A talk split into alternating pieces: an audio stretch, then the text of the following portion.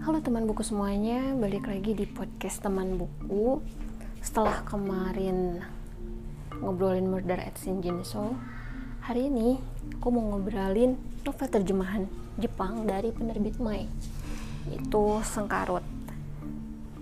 Nah Sengkarut ini adalah novel kedua yang diterbitkan oleh penerbit Mai. Kalau yang sebelumnya itu kan Gagal menjadi manusia karya Dazai Osamu Nah yang kedua ini dia kumpulan cerpen, jadi nggak bisa dibilang novel sih ya, tapi kumpulan cerpen yang di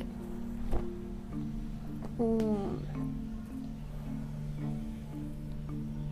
yang cerpen-cerpennya ini ditulis oleh empat penulis ternama di tahun sekitar 1910 sampai 1930 ya emang cukup jadul ya. Tapi sesuai dengan judulnya Sengkarut novel ini tuh memang benar-benar berhasil bikin kita sengkarut jadi kayak mem, apa ya membuat hati kita itu benar-benar dibikin bingung bener-bener dibikin semrawut bener-bener dibikin. Kadang-kadang kita tuh kalau udah udah baca yang ini tuh oh ya mungkin kayak gini. Tapi beberapa detik kemudian kita bakalan mikir oh kayaknya nggak gini deh. Atau mungkin kalau pengalaman aku pribadi pas baca ini tuh setelah satu selesai eh, setelah satu cerpen selesai itu langsung kayak nutup buku terus langsung oh jadi gini. Kayak gitu. Karena memang pada dasarnya sendiri sih cerpen-cerpen ini tuh menurutku ya ini dark banget. Dan apa ya yang gak nyangka banget lah. Uh, kalau bisa tahu maknanya ya pasti sedalam itu. Karena rasa yang kita dapat aja udah dalam gitu rasa bingungnya rasa bingung semrawut. Ya pokoknya hatinya ini tuh kayak kayak diacak-acak gitu lah Iran ini tuh kayak diacak-acak gitu udah, udah udah kayak kebingungan gitu.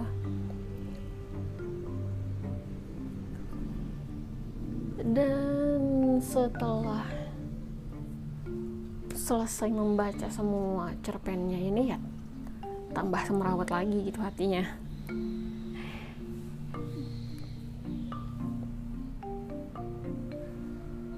cerpen yang paling aku suka dari keseluruhan cerpen yang ada di buku ini itu cerpen dengan judul Malaikat Permen Coklat terus Kursi Manusia.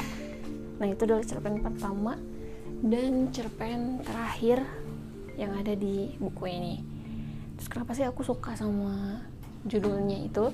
Karena kalau yang pertama itu karena awalnya itu ceritanya manis kayak cerita dongeng untuk anak kecil tapi tiba-tiba kayak malah bikin kita untuk mengasihani sebuah bungkus permen coklat.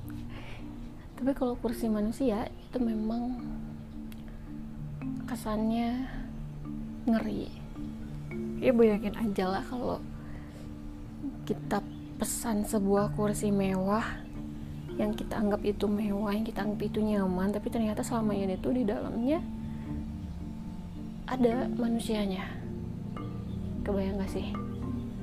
Aku sih udah ngeri banget lah. Udah kayak mau dibakar gitu kursi serius. Dan ini tuh memang ceritanya seperti itu gitu. Gak secara garis besar ya um, kalau soal bahasa terjemahannya udah nggak usah diraguin lagi deh. Kalau untuk penerbit Maya karena yang sebelumnya juga udah bagus banget. Yang ini juga ya bagus gitu.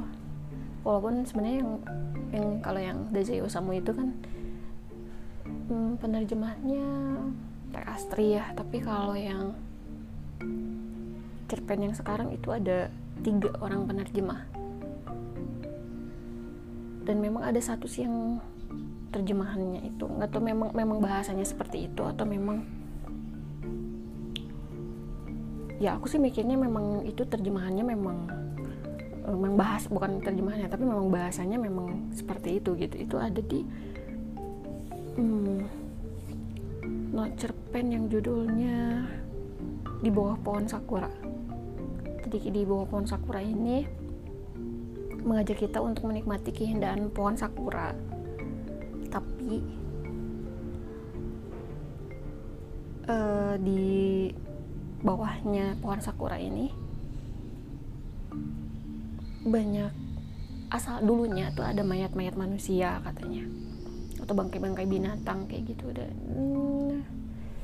narasinya itu bikin ngeri bikin begidik bikin bingung bikin ya apaan sih? Gitu. Bener-bener bikin semrawut lah.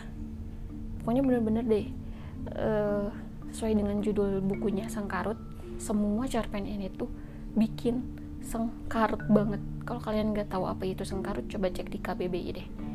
Karena kalau yang aku tahu sengkarut itu adalah keadaan yang semrawut keadaannya berkarut-karut. Pokoknya benar-benar semrawut aja lah kayak gitu. Oke paling kayak gitu aja. Hmm, review kali ini. Thank you banget yang udah dengerin dan sampai jumpa di review selanjutnya. Oke okay, bye bye